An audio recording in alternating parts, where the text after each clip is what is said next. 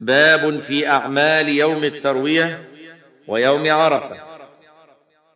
إن الأنساك التي يحرم بها القادم عندما يصل إلى الميقات ثلاثة.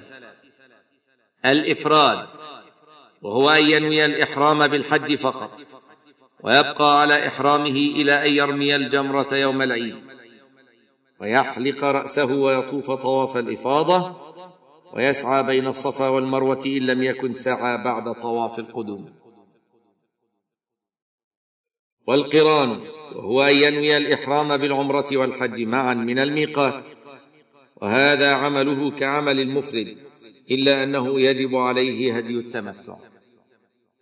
والتمتع هو أن يحرم بالعمرة من الميقات ويتحلل منها إذا وصل إلى مكة بأداء أعمالها من طواف وسعي وحلق أو تقصير. ثم يتحلل من إحرامه ويبقى حلالا إلى أن يحرم بالحج. الصفحة الرابعة بعد المئتين. وأفضل الأنساك هو التمتع. فيستحب لمن أحرم مفردا أو قارنا ولم يسق الهدي أن يحول نسكه إلى التمتع ويعمل عمل المتمتع. ويستحب لمتمتع أو مفرد أو قارن تحول إلى متمتع وحل من عمرته ولغيرهم من المحلين بمكة. أو قربها الإحرام بالحج يوم التروية وهو اليوم الثامن من ذي الحجة لقول جابر رضي الله عنه في صفة حج النبي صلى الله عليه وسلم فحل الناس كلهم وقصروا إلا النبي صلى الله عليه وسلم ومن كان معه هدي فلما كان يوم التروية توجهوا إلى منى فأهلوا بالحج. حاشية رواه مسلم برقم سبعة عشر بعد المئتين والألف. انتهى. ويحرم بالحج من مكانه الذي هو نازل فيه سواء كان في مكة أو خارجها أو في منى ولا يذهب بعد إحرامه فيطوف بالبيت. قال شيخ الإسلام ابن تيمية رحمه الله حاشية. في مجموع الفتاوى الجزء السادس والعشرين الصفحة التاسعة والعشرين بعد المئة. انتهى. فإذا كان يوم التروية أحرم فيفعل كما فعل عند الميقات. إن شاء أحرم من مكة وإن شاء من خارج مكة. هذا هو الصواب.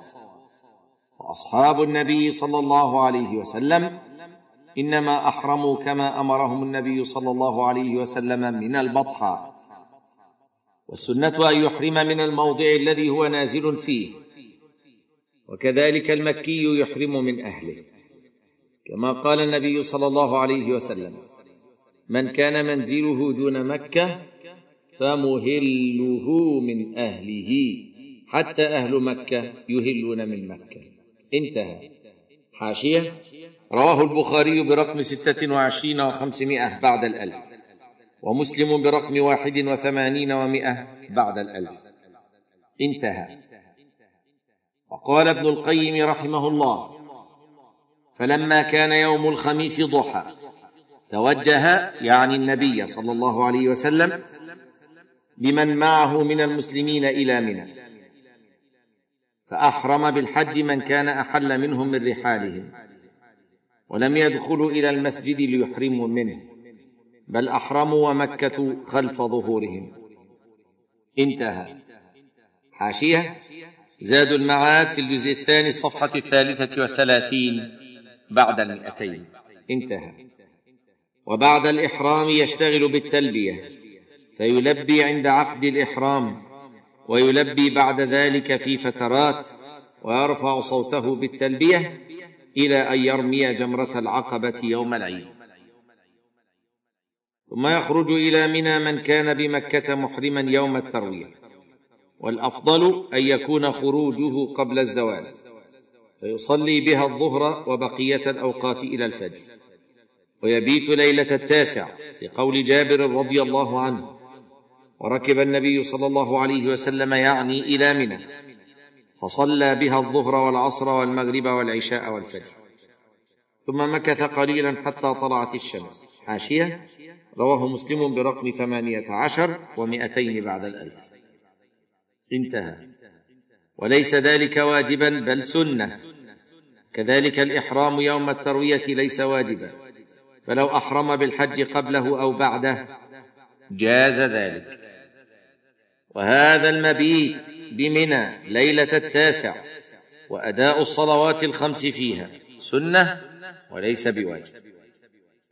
ثم يسيرون صباح اليوم التاسع بعد طلوع الشمس من منى إلى عرفة وعرفة كلها موقف إلا بطن عرنة عاشية انظر الصفحة التاسعة والأربعين وثلاثمائة من هذا الجزء.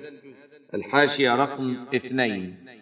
وتذكر أخي الكريم تعليقنا دائما أن الإشارة في مثل هذه الحواشي إلى الجزئين الأول والثاني تنطبق على الطبعة السابقة لهذه الطبعة. انتهى. ففي أي مكان وقف الحاج من ساحات عرفة؟ أجزأه الوقوف فيه. ما عدا ما استثناه النبي صلى الله عليه وسلم وهو بطن عرنة. الصفحة الخامسة بعد المئتين. وقد بينت حدود عرفة بعلامات وكتابات توضح عرفة من غيرها. فمن كان داخل الحدود الموضحة فهو في عرفة. ومن كان خارجها فيخشى أنه ليس في عرفة. فعلى الحاج أن يتأكد من ذلك وأن يتعرف على تلك الحدود ليتأكد من وجوده في عرفة. فإذا زالت الشمس صلوا الظهر والعصر قصرا وجمعا بأذان وإقامتين. وكذلك يقصر الصلاة الرباعية في عرفة ومزدلفة ومنى. لكن في عرفة ومنى ومزدلفة يجمع ويقصر.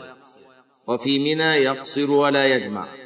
بل يصلي كل صلاة في وقتها لعدم الحاجة إلى الجمع. ثم بعدما يصلي الحجاج الظهر والعصر قصرا وجمع تقديم في أول وقت الظهر يتفرغون للدعاء والتضرع والابتهال إلى الله تعالى وهم في منازلهم من عرفة ولا يلزمهم أن يذهبوا إلى جبل الرحمة ولا يلزمهم أن يروه أو يشاهدوه ولا يستقبلونه حال الدعاء وإنما يستقبلون الكعبة المشرفة. وينبغي أن يجتهد في الدعاء والتضرع والتوبة في هذا الموقف العظيم. ويستمر في ذلك وسواء دعا راكبا أو ماشيا أو واقفا أو جالسا أو مضطجعا على أي حال كان. ويختار الأدعية الواردة والجوامع. لقوله صلى الله عليه وسلم أفضل الدعاء دعاء يوم عرفة وأفضل ما قلت أنا والنبيون من قبلي. لا إله إلا الله وحده لا شريك له له الملك وله الحمد وهو على كل شيء قدير. رواه الترمذي برقم خمسة وثمانين وخمسمائة وثلاثة آلاف. انتهى. ويستمر في البقاء بعرفة والدعاء إلى غروب الشمس. ولا يجوز له أن ينصرف منها قبل غروب الشمس. فإن انصرف منها قبل الغروب وجب عليه الرجوع ليبقى فيها إلى الغروب. فإن لم يرجع وجب عليه دم تركيه الواجب والدم ذبح شاه يوزعها على المساكين في الحرم أو سبع بدنة.